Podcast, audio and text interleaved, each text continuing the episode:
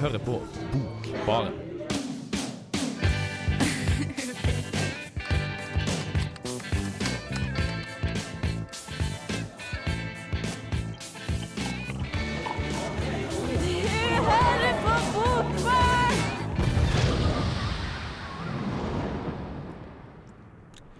Hei, velkommen til Bokbaren. Eh, været er realistisk, og stemningen her i studio er magisk.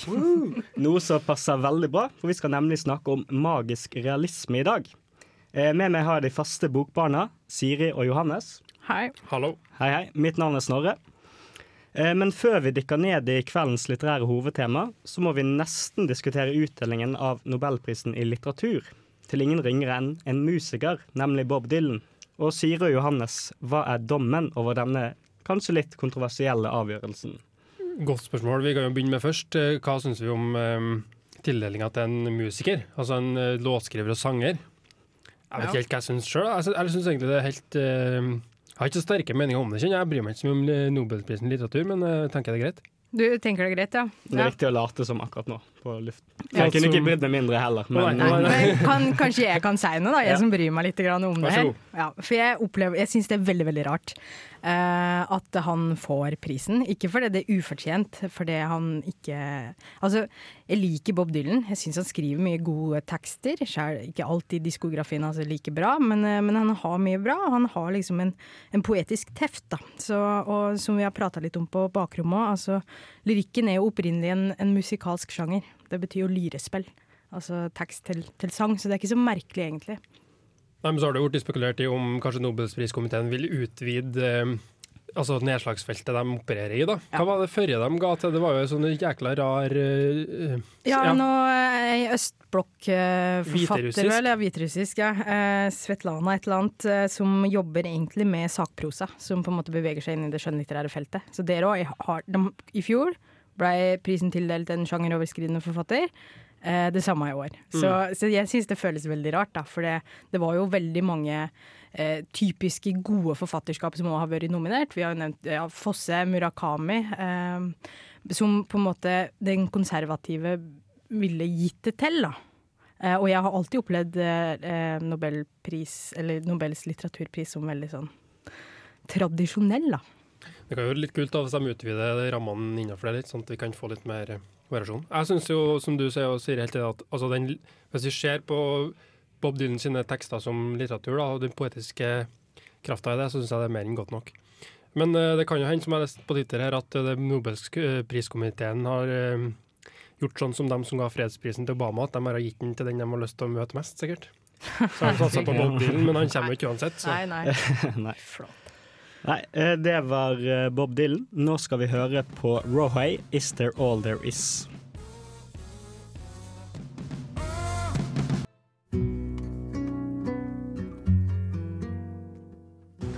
Sex with you is really a Kafkaesque experience. Thank you. Bokbarn. Bokbarn. Tenk å ha sex med Woody Allen. Tenk det. Har dere tenkt på det før? Har faktisk aldri tenkt på det før. Jeg lurer på om jeg har knausa Woody Allen, ja. Ja, det har jeg også gjort. Til tross for at jeg er hetero, men hvis liksom, det er min preferanse når det kommer til Mel, da. Ja. Det er ofte Og- mye fine damer med filmene hans, i hvert fall de gamle. Ja, Sånn men var den- ikke Det er den det er fra, det er Annie Hall, det. Men Skal vi kutte Ja. sexismen? Å ja, OK. Ja, det kan vi gjerne gjøre. Um, I hvert fall, Woody Allen har jo også for så vidt laget en del magisk realisme, men det skal vi ikke snakke om i dag. Eh, mange har sik eh, sikkert fått med seg Netflix-serien Narkos, som finner sted i Colombia. Og I starten av den serien refereres det nemlig til magisk realisme. Og da er jo faktisk det store spørsmålet hva er magisk realisme? Ja. Det som kjennetegner magisk realisme, det er eh, altså rasjonalisme kombinert med mystikk, og den her sidestillinga av det her naturlige med det overnaturlige. Det er egentlig det som er. Det er egentlig realisme med innslag av fantastikk, da. Kort fortalt. Men i Narkos, da, TV-serien, syns du at det er noe av det der, eh, Siri? Altså, uten å spoile altfor mye, så kan du si at det skjer noe litt sånn overnaturlig eh, slutten, mot slutten av andre sesong, før Pablo er ikke med. Men jeg skal ikke si så mye om det, for de, de som ikke har, har sett det. Men jeg syns i bunn og grunn at serien ikke kan klassifiseres som magisk realisme. Men det skjer ikke noe eh, sånn magisk før helt på slutten? Ja, for jeg, jeg har kun sett én sesong, da, det er jo to sesonger, Ja. og der er det jo ikke så mye. Men jeg tenker, det jeg kanskje tenkte mens jeg så det, var at det refereres til at det er ganske mye sånn utrolige ting som skjer. da. Mm. Og så han derre eh, Det kan jeg vel si uten å spoile for mye om, men det er én ting i handlinga at han Pablo Escobar, han er narkokongen, han blir nesten president i landet. Ja. Det er liksom helt surrealistisk, bare det. da. Ja, ja, men du kan på en måte ikke spoile så mye til det rent biografiske, for de fleste av oss vet jo ikke Pablo Escobar er. Men, men det er sant, og jeg tror han bruker magisk realisme som en, en slags inngangsportal til å fortelle nettopp at det her er snakk om ekstreme hendelser. Mm. Men jeg syns det brukes feil, da. OK. Men når det gjelder magisk realisme, altså, som du sa, Siri, at det er på en måte realismens ramme, men med noe magisk som får oss til å lure på hva er det her, er det ekte eller ikke ekte. Ja. Vi kan kanskje snakke litt om at det finnes eh, forløpere til denne sjangeren du nevnte tidligere i dag, eh, Snorre Kafka. Ja, jeg vet ikke om det regnes med forløper, men forvandlingene er jo i hvert fall eh, Vil jeg jo betegne som magisk realisme, da. Ja. Marquez, som du har lest, Siri, mm. er jo inspirert av Kafka. Ja. Og jeg tror mye av det handler vel om, i hvert fall i forvandlingen, da, at Gregor Samsa på en måte ikke eh, stiller spørsmålstegn ved sin forvandling. Denne Ja. bilden. Og det er vel eh, eh, Marquez uttalte vel at han, han ble veldig inspirert av bestemorens fortellinger. Han sa vel at hvis du sier at elefanter flyr opp i himmelen, så er det ingen som vil tro deg. Men hvis du sier at det er 425 elefanter som flyr opp i himmelen, så vil folk mest sannsynlig tro på det du sier, da. på en måte. Ja. ja, men det er noe med de her elementene av surrealisme og absurditet som preger Kafkas forfatterskap, men som òg Marquez har tatt med seg inn i, inn i sin magiske realisme, for han regnes jo på mange måter som eh, måte, den som, altså skaperen av magisk realisme. Men jeg har lyst til å nevne det òg, at det, det overnaturlige, i motsetning til eh, en fantastisk sjanger, da, er, eh, er ikke problematisk i magisk realisme. Men det overnaturlige brukes på en måte for å utvide horisonter og perspektiver og nå fram til en dypere og ny sannhet, da, en ny erkjennelse. Ja, hvis jeg forstår det rett nå, så tenker jeg på noe som Marquez sjøl sa, at han, målet hans var ikke å skape en ny verden, men å vise innenfor den verden her, altså innenfor den virkeligheten vi kjenner, realismen, Ja. At det foregår mye rart som vi kan se på som fantastisk. da. Ja, det skapes nye virkelighetsoppfatninger, og på en måte de her tanker om oppfatning om, tom, om tid og steller og årsaker og identiteter, det utfordres da i den magiske realismen. Eh, men Marquez uttalte vel at denne sjangeren bare kunne oppstått i Sør-Amerika. Og hvorfor det? Ja, hvorfor det?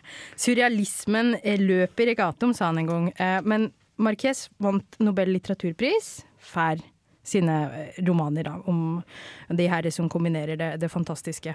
Og i takketala som han holdt til eh, Nobelkomiteen da, eh, som kalles The Solitude of Latin America, så, så er han innom de her grunnene til at magisk realisme oppstår i Latin-Amerika. Og nå siterer jeg. Poeter og tiggere, musikere og profeter, krigere og slyngler, alle kreasjoner av en utøyla virkelighet. Vi har hatt lite å be fantasien om. Og med det her så mener jeg at det, det meste av det her ekstreme allerede fins, da. Um, og derfor så må de på en måte oppsøke nye ting i litteraturen. Fordi det ekstreme allerede fins i virkeligheten. Så det utvides da og sprenger og overskrider, og de oppsøker da de her Bruker det overnaturlige som da en ny, ny nødvendighet for virkelighetsforståelsen, da. Så kanskje, kanskje det er sånn at de må ty til de her virkemidlene for å forklare sin egen virkelighet. på en måte. Ja. Mm. Har det ikke forbindelse med folketro på en måte, i Sør-Amerika? Jo da, det òg. Ja. Han bruker jo på en måte folk og små, små Ja. landsbysamfunn for å skrive fram allmenngyldige sannheter. Ja, men da har vi diskutert litt om magisk realisme. Nå hører vi på 'Blood on Me' av Samfa. Hei, det er Pedro Carmona Alvarez. Du hører på Bokbaren på Radio Revolt. Ja, velkommen tilbake. Eh, Jorge Var det riktig uttalt, forresten? Det, Jeg prøvde meg på en liten frekken. Men eh, Jorge Luis Borges regnes som en av grunnleggerne av magisk realisme. Og jeg har lest eh, litt av hans samlede fiksjoner, og det har du også gjort, Johannes. Ja, tidligere en gang. Det er ikke noe, men ja. Og jeg skjønte ikke så altfor mye, må jeg dessverre innrømme. Eh, Men eh, historiene handler gjerne om tidens karakter, det uendelige, speilinger, det er veldig mye speil i fortellingen hans, encyklopedier og andre labyrinter. Uh, samt virkeligheten og av personers identitet. Da. Og personene er ofte plassert i fantastiske sammenhenger. Uh, Og det jeg leste, så inneholder den, den voldsomme referanserikdom, da, som jeg ikke fikk helt tak på. Jeg vet ikke om du har samme opplevelse? Jeg har litt samme opplevelse med det at han er veldig vanskelig forfatter å forstå, ja. Um, jeg husker ikke så veldig mange egentlig av tekstene, for å være ærlig, men det er en som jeg husker godt, som heter Pierre Menard, forfatter av Don Quijote, Mm. som er en tekst som handler om en fyr som skriver, som heter Pierre- Menard, som lever på 1900-tallet, vel, som skriver Don Quijote på nytt. Altså boka Don Quijote av Cervantes. Helt ordrett på nytt. Ja. Ja.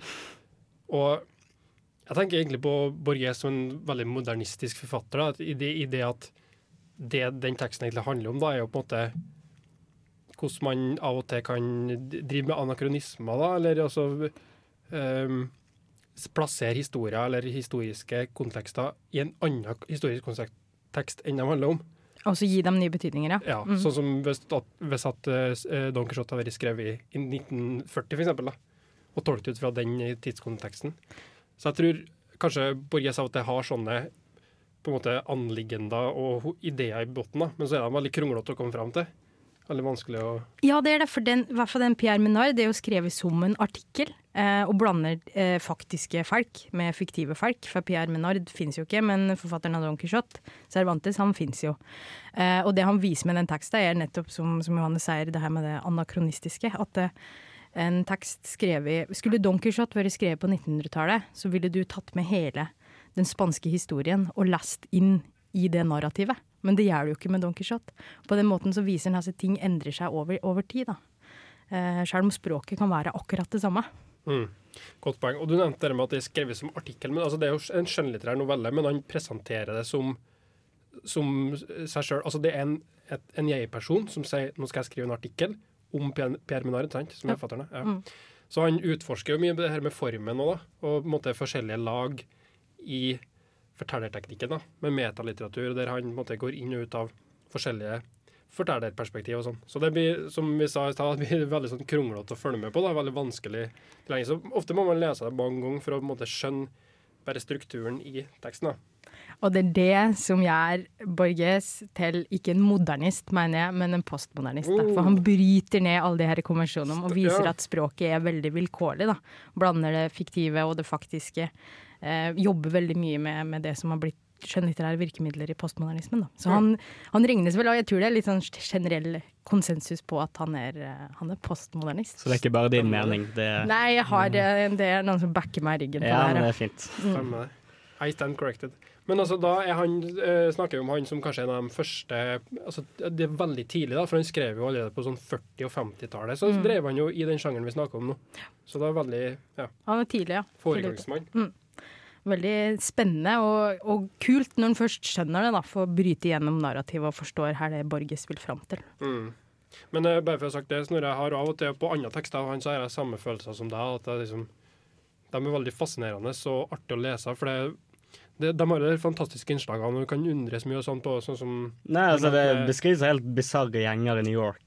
Og sånn Gangs of New York på syre, og det er pirater, og det er helt vilt. Så det er jo sånn, Men jeg, liksom, jeg kommer ikke helt fram til den tematikken, da.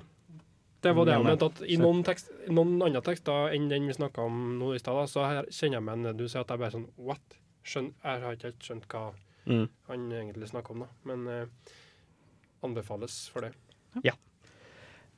Det var Borges. Nå hører vi på Sondre Lerche, 'I'm Always Watching You'.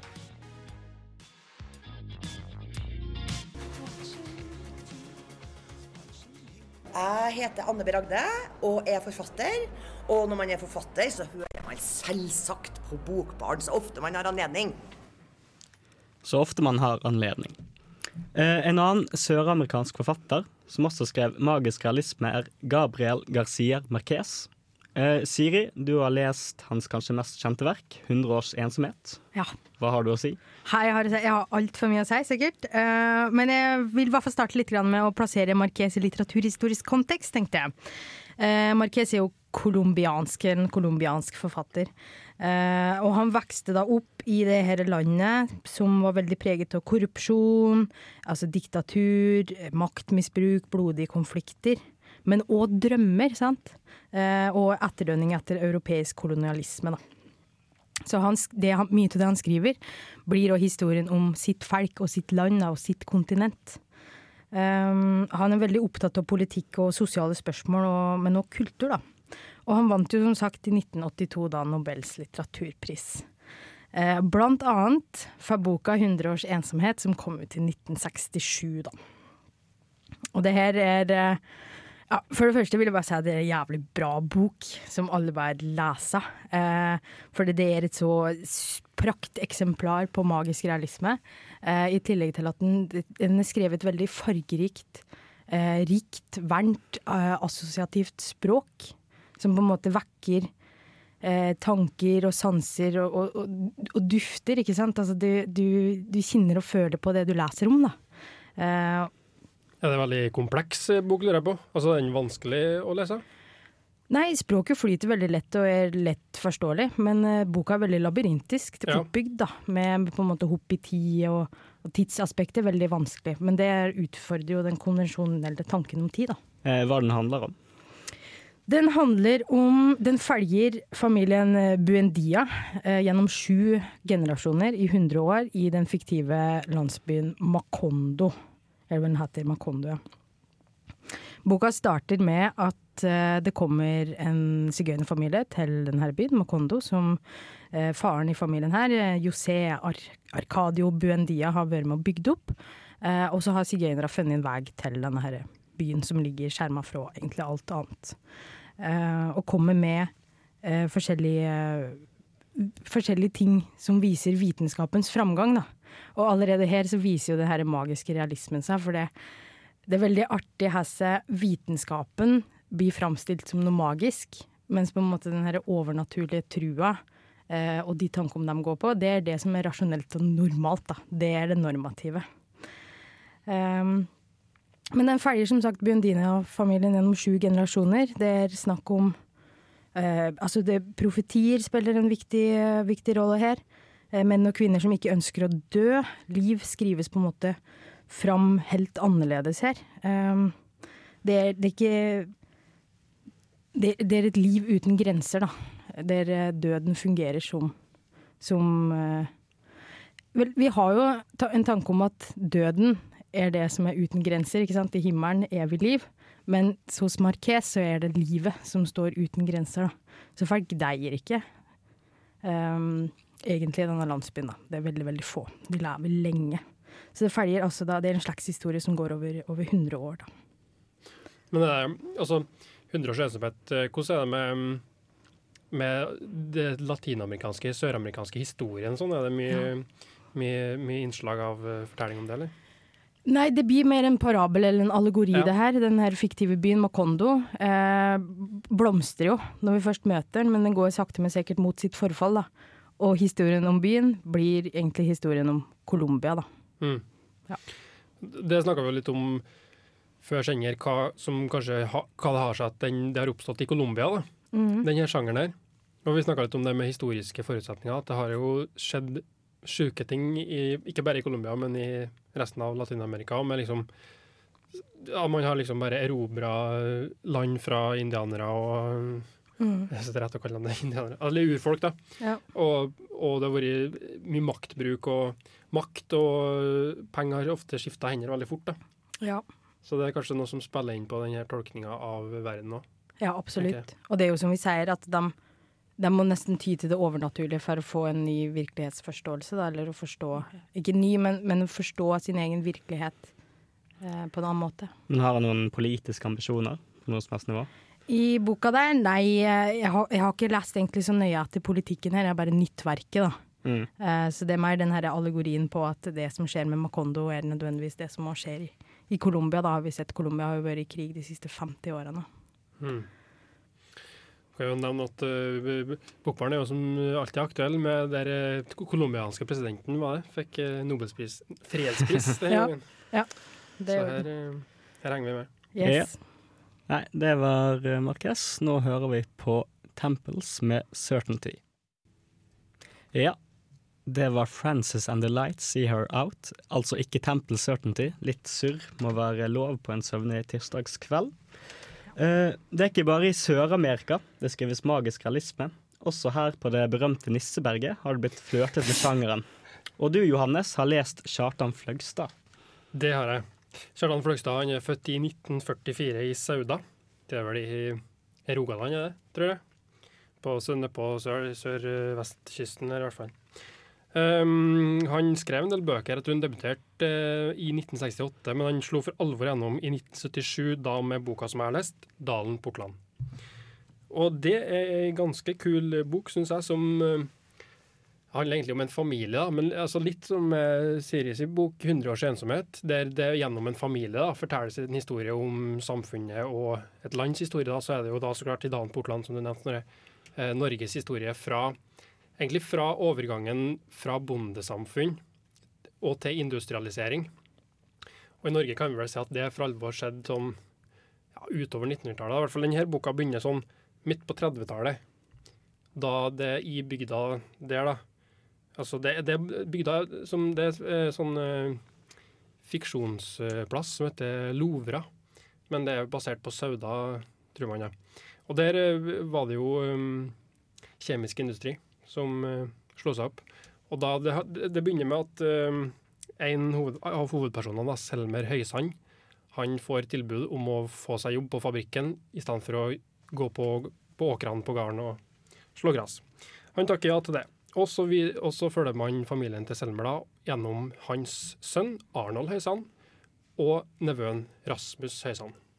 Og Forskjellen på de her to karakterene er at Arnold Høysand han faller på en måte til ro i, i det Hva skal vi si? Post andre verdenskrig, sosialdemokratiske samfunnet, og i sin klasse, arbeiderklassen.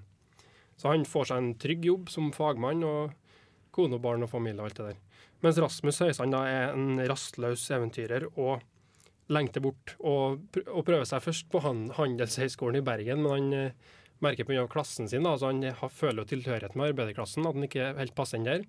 Men han vil på en måte heller ikke følge arbeiderklassens uh, vei, da, som er jo så klart da rett inn i, inn i industrien. Så han uh, til sjøs og reiser til Sør-Amerika. Og i det magiske i, som vi kan si ligger i Dalen Portland, er i skildringa av Rasmus Høysand sine opplevelser i Sør-Amerika. Og da er det Rasmus Høysand sjøl som forteller om dem. Og han er med på flystyrt og stormer og blir tatt til fange som gissel av uh, rike gårdeiere og gruveeiere og sånn. Så det skjer helt sånn nærmest fantastiske skråstrek overnaturlige ting inni her, da. Og da er det jo man som leser begynner å lure på når det er ei, ei altså jeg-fortelling i presens, da, um, om det her er sant, da. Så det er noe fascinerende med de fortellingene, som uh, jeg regner med dere kanskje kjenner igjen fra de forfatterne dere har lest. Men dette forekommer ganske sent i romanen?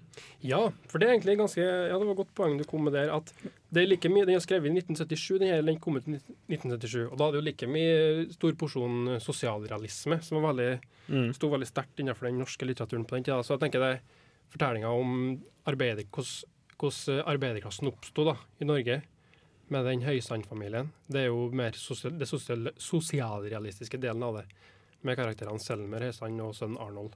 Mens eh, Rasmus Høysand sine beretninger om Latin-Amerika da, altså det ligger jo bare i det, det at han reiser ut til den andre verden der. Ja. Det er jo det er mer eksotisk. Mm. Så der har du mer det magiske og fantastiske i den. Ja. Men Fløgstad fungerer vel kanskje egentlig som den største eksponenten av latinamerikansk litteratur i Norge? I samarbeid med Pedro Carmona Alvarez, eller? Ja. Um, altså Kjartan Fløgstad har jo oversett mye spansk litteratur. Mm. Altså latinamerikansk, da. Blant annet han um, Å, nå husker ikke han poeten uh, sitt navn, men Eh, Ja, ja, uansett. Han har i hvert fall oversett mye spansk litteratur og har tatt det inn i sin egen litteratur. da. Så han, det kan man absolutt si at han var nok den, kanskje den, en av de fremstående i Norge. Det er han jo ennå, men også og den tidligste. da. Ja. Så um, han har gjort mye for, gjort mye for magisk realisme i Norge. Ja, det var Kjartan Fløgstad. Og nå blir det nemlig Temples av Certainty.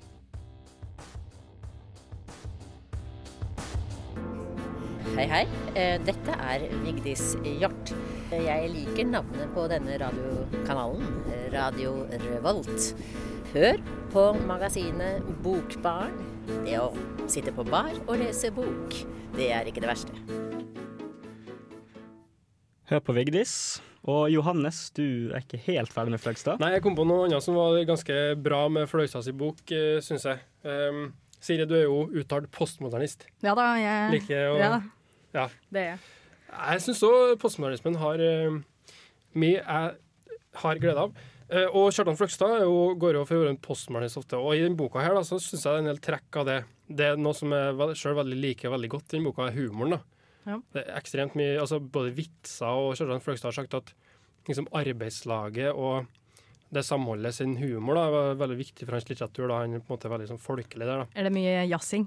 Det er ganske mye jazzing med gutta, sier jeg. Ja. Jazzing, gutta. Det er tendens til seksualisert vitsing i mye. og Den er veldig bra. da, kan jeg gi deg et eksempel etterpå. Men ehm, jo, det er det da, altså, han bruker mye humor. da, Han er ikke redd for å på en måte For det er jo ganske sånn på en måte seriøs bok. da, Han prøver å, å gi et bilde av utvikling, utviklinga av arbeiderklassen og oppstand til sosialdemokratiet i Norge. Og så samtidig så blander han inn den humoren i det. Så det er en veldig fin blanding. Og så har du jo òg altså han, Det er sånn uh, innslag av liksom karnivalisme.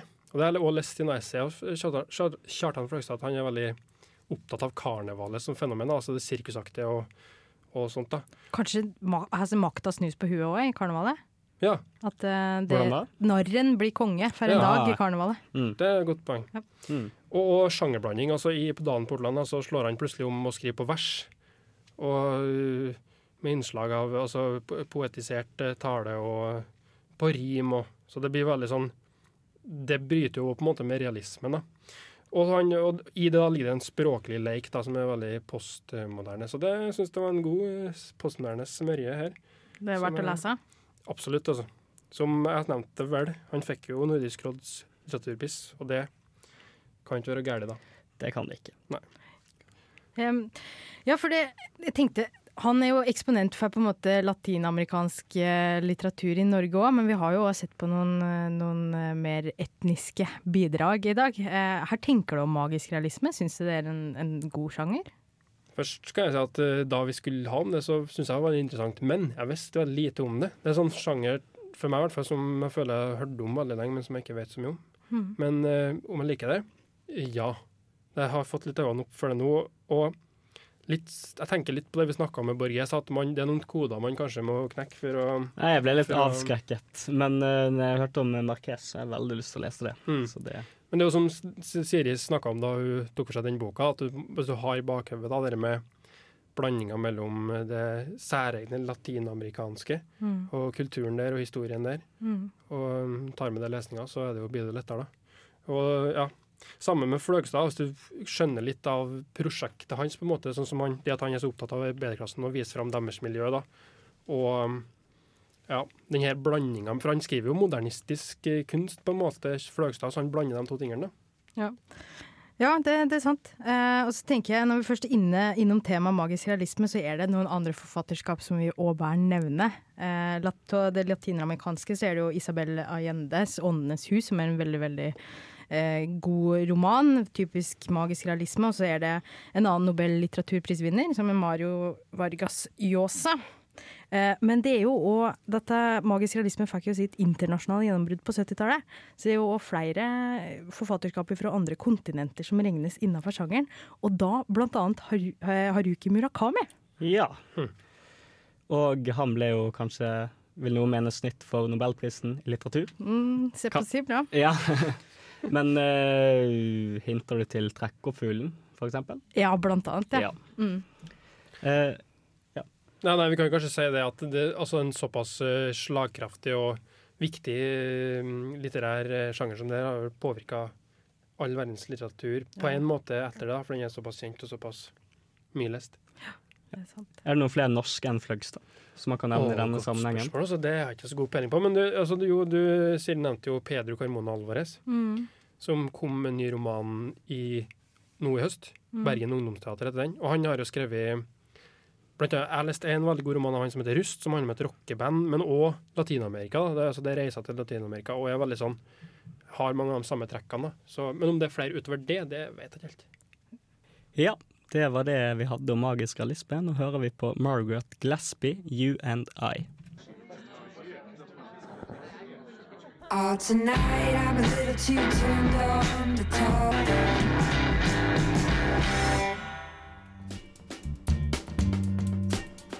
Hei, jeg heter Arild Wange og hører på Bokbaren hver tirsdag for å holde meg oppdatert på hva som skjer i litteraturen her til lands og ellers i verden. Ja. I kveld har vi snakket en del om magisk realisme. Men Siri, Ja. eh, det ser veldig ut som du har lyst til å blæste noe. Har du det? Ja, eller jeg kan, jeg kan, jo, jeg kan jo det. Eh, jeg skal eh, bokbade. Rikard Ingdal som debuterte med Hogs nå i våres på Trondheim litteraturfest nå på torsdag. Jeg husker ikke helt når det her arrangementet begynner, men det er det som kalles Med røtter i Trøndelag, da. Hogst, er det en roman? Er det sånn å forstå? Ja, Hogst er en roman, og eh, apropos magisk realisme, så er det en Ja, for det første Er det magisk realisme? Ja, det er det jeg ikke veit, men den trekker på det overnaturlige. Trekker på liksom den her norske folkeånden, da, som er veldig sånn det nære forholdet til skogen, og trua på at skogen kan fortelle oss noe om verden og livet, da. Det blir overnaturlig i, i hogst, da. Hvis det ikke er magisk realisme, da kommer jeg ikke. Nei, nei ikke- ja, men da er det. Det er magisk ja, realisme. Sånn, ja, Okay, ja. Men, ja, det er så, men det er jo en kobling der. Man ville jo kanskje aldri kalt eh, den typen ting magisk realisme, sånn som en folketro og sånn, men det er jo litt, eh, det er jo litt samme tematikken, kanskje. da. Det er så gamle sagn og overtro og sånn.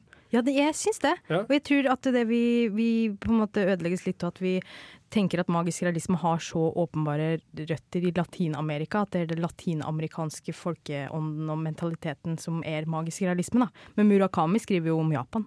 Mm. Ingdal skriver om norske traurige skogskern, liksom. Mm. Så det Det blir spennende å høre. Og det er jo det er vel, hele det er vel en del av litteratur, Trondheim litteraturfestival? er det Sånn? Ja, eller Trondheim litteraturfest, som Trondheim, ja. eh, det heter. Som jeg konsekvent forrige uke sa gærent. Litteraturfestival.